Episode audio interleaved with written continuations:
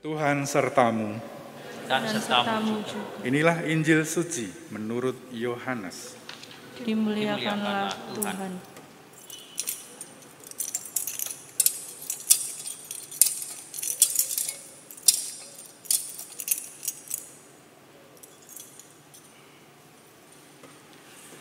Sesudah bangkit dari antara orang mati, Yesus menampakkan diri lagi kepada para muridnya di pantai Danau Tiberias. Ia menampakkan diri sebagai berikut. Di pantai itu berkumpul Simon Petrus, Thomas yang disebut Didimus, Nathanael dari Kana yang di Galilea, anak-anak Zebedeus, dan dua orang murid Yesus yang lain. Kata Simon Petrus kepada mereka, Aku mau pergi menangkap ikan. Kata mereka kepadanya, kami pergi juga dengan engkau. Mereka berangkat, lalu naik ke perahu. Tetapi malam itu mereka tidak menangkap apa-apa. Ketika hari mulai siang, Yesus berdiri di pantai. Akan tetapi murid-murid itu tidak tahu bahwa itu adalah Yesus. Kata Yesus kepada mereka, Hai anak-anak, apakah kamu punya ikan? Jawab mereka, tidak. Lalu kata Yesus kepada mereka, tebarkanlah jalamu di sebelah kanan perahu, maka akan kamu peroleh. Mereka pun menebarkannya, dan mereka tidak dapat menariknya lagi karena banyaknya ikan. Lalu murid yang dikasih Yesus itu berkata kepada Petrus, "Itu Tuhan." Ketika Petrus mendengar bahwa itu adalah Tuhan, maka ia mengenakan jubahnya, sebab ia tidak berpakaian, lalu terjun ke dalam danau. Kemudian murid-murid yang lain datang dengan perahu karena mereka tidak jauh dari darat, hanya kira-kira 100 meter, dan mereka menarik jala yang penuh ikan itu. Ketika tiba di darat, mereka melihat api arang, di atasnya ada ikan dan roti. Kata Yesus kepada mereka, Bawalah beberapa ikan yang baru kamu tangkap.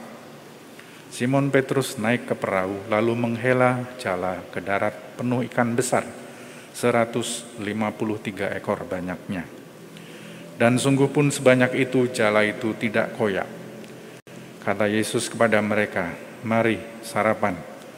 Tidak ada di antara mereka itu yang berani bertanya kepadanya siapakah engkau, sebab mereka tahu bahwa ia adalah Tuhan. Yesus maju ke depan, mengambil roti, dan memberikannya kepada mereka. Demikian juga ikan itu.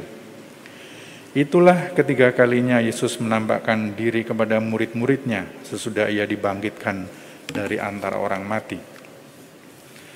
Sesudah mereka sarapan, Yesus berkata kepada Simon Petrus, Simon anak Yohanes, apakah engkau mengasihi aku lebih daripada mereka ini? Jawab Petrus kepadanya, benar Tuhan, engkau tahu bahwa aku mengasihi engkau. Kata Yesus kepadanya, peliharalah anak-anak dombaku. Kata Yesus pula kepadanya untuk kedua kalinya, Simon anak Yohanes, apakah engkau mengasihi aku? Jawab Petrus kepadanya, benar Tuhan, engkau tahu bahwa aku mengasihi engkau. Kata Yesus kepadanya, gembalakanlah domba-dombaku. Kata Yesus kepadanya untuk ketiga kalinya, Simon anak Yohanes, apakah engkau mengasihi aku? Petrus pun merasa sedih karena Yesus berkata untuk ketiga kalinya, apakah engkau mengasihi aku?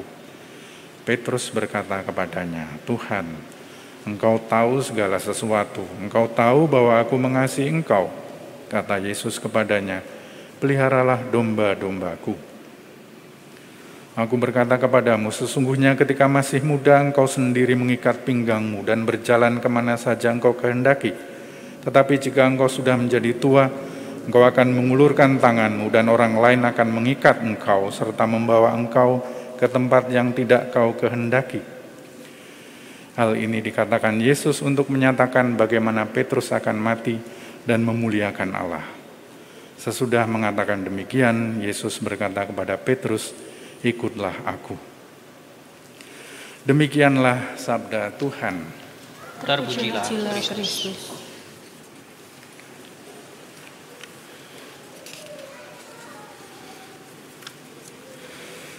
Saudara-saudari terkasih, hari ini eh, dalam bagian khotbah semestinya dibacakan surat Gembala Uskup Keuskupan Agung Semarang pada Hari Pendidikan Nasional 2 Mei 2022 dengan judul Merawat serta Mengembangkan Pendidikan dan Sekolah Katolik.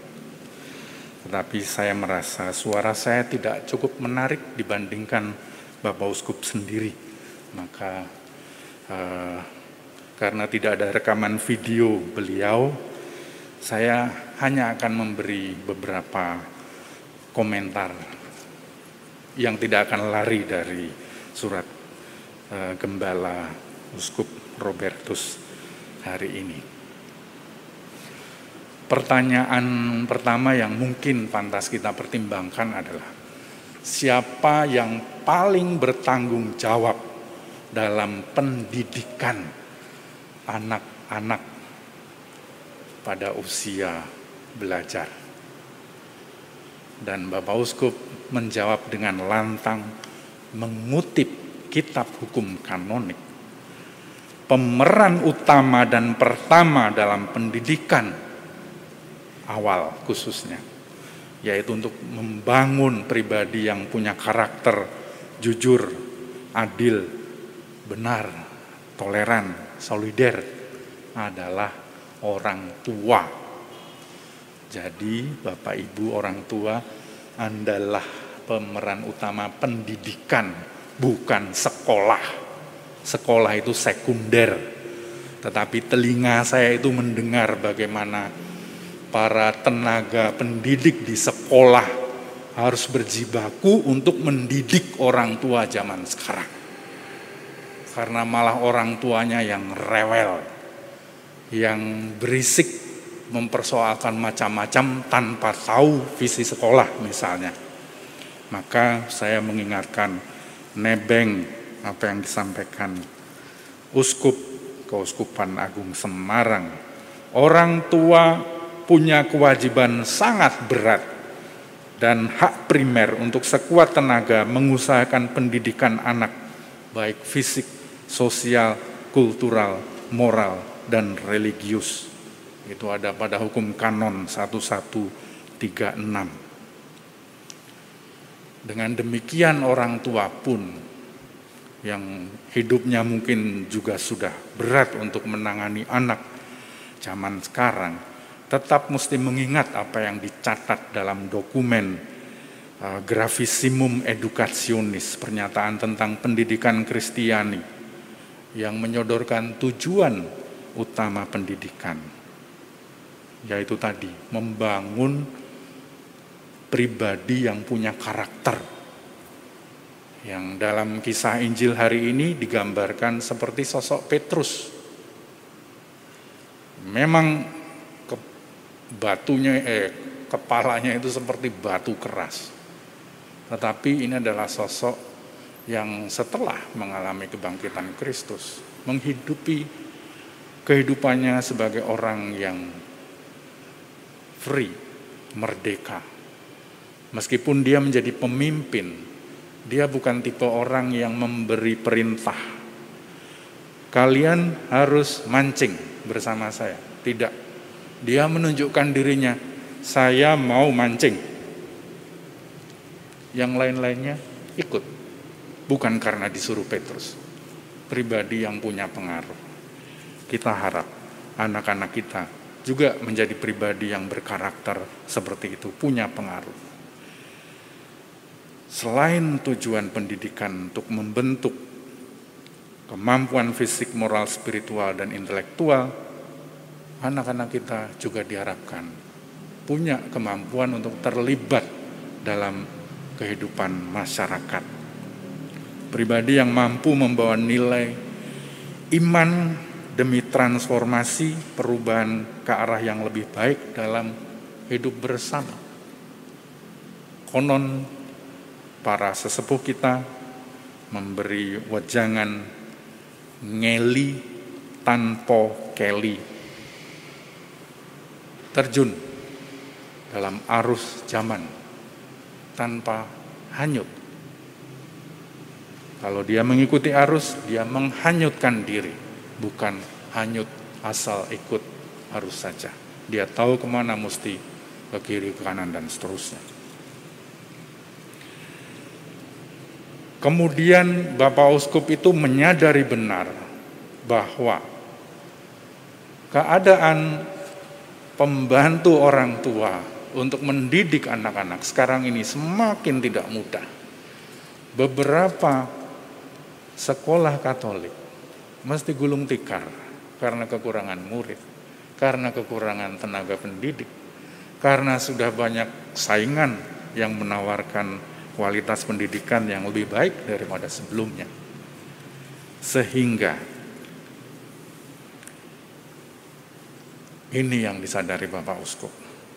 Tidak mudahlah menghadapi banyak tantangan serius antara lain tuntutan profesionalitas, keterbatasan sumber daya, keterbatasan kesempatan untuk mendapatkan akses kepercayaan masyarakat karena faktor sosial politis. Akibatnya, sebagian sekolah Katolik di wilayah keuskupan ini harus tutup karena kekurangan murid dan tenaga pendidik. Dan Bapak Uskup tidak ingin menyerah karena situasi ini. Tetapi sadar bahwa ini ada semacam UUD, ujung-ujungnya duit. Saya kira bukan Bapak Uskup memerlukan duit, tetapi Bapak Ibu yang lebih penting adalah sebetulnya sekolah-sekolah kita, saya boleh menyebut merek, Kanisius misalnya, itu banyak di Jawa Tengah. Kebanyakan orang Katolik mengira ini adalah sekolah milik para Romo Yesuit karena kebanyakan yang mengelola para Yesuit. Tapi Jogja sekarang sudah diserahkan pada awam. Supaya tahu bahwa sekolah ini sebetulnya milik umat. Para Romo Yesuit hanya dipasrai untuk menjalankannya. Tapi kalau umat sendiri merasa, ayo mati hidup biarkan saja. Ini baru satu yayasan. Di daerah Turgo sana juga ada uh, sekolah yang mesti mati-matian meskipun sekarang sudah berjalan karena ada donatur yang kurang lebih kontinu memberikan sumbangan. Duit memang penting. Tidak ada dari kita yang tidak punya butuh duit. Maka dalam solidaritas saya kira Bapak Uskup memulai suatu gerakan peduli pendidikan Keuskupan Agung Semarang dengan beberapa program yang kalau nanti Bapak Ibu sudah mendengarnya tidak lagi terkejut. Yang pertama ada kolektor khusus pendidikan yang mungkin sekarang belum sangat kentara. Dilakukan setiap minggu ketiga pada bulan Maret dan bulan Mei. Kolektor dikumpulkan ke keuskupan dan didistribusikan melalui kevikepan-kevikepan berdasarkan program pelayanan maka Bapak Ibu bisa menghubungi kevikepan nanti antara lain untuk mengontrol apakah uang ini memang digunakan untuk pendidikan atau untuk yang lain-lain. Jangan-jangan malah untuk pendidikan calon imam. Ini meleset dari maksud Bapak Uskup. Yang kedua ada gerakan 2000 rupiah dilakukan setiap bulan untuk setiap orang Katolik Dana dikumpulkan dan dikelola oleh kevikepan. Yang ketiga sumbangan bebas pendidikan. Dapat dikirimkan ke kuskupan, kevikepan atau paroki dengan intensi ditulis secara jelas maksud pemberiannya untuk pendidikan. Kalau perlu ditunjuk mungkin lembaga tertentu yang Bapak Ibu lihat sungguh-sungguh membutuhkan. Di Kauskupan Agung Semarang ini banyak sekali yang daerah pelosok, di daerah Kulon Progo, Wonogiri ke sana dan seterusnya. Banyak. Gerakan peduli pendidikan KAS ini merupakan salah satu bentuk solidaritas pada pendidikan generasi muda dan karena sifatnya sukarela. Bapak Ibu boleh menolak kalau dipaksa. Jangan sampai terpaksa. Kalau memang tidak mungkin menyisihkan 2000 dalam sebulan misalnya, ya sudah, jangan merasa terpaksa. Unit Pengembangan Pastoral Pendidikan KAS bersama para Romo Fikep dan Ketua Komisi Pendidikan Fikepan akan berkoordinasi dengan paroki-paroki. Dan Bapak Uskup menyatakan terima kasih atas kesediaan Bapak Ibu, saudara-saudari sekalian untuk terlaksananya pendidikan masa depan generasi muda. Salam dan doa Bapak Uskup berkah dalam.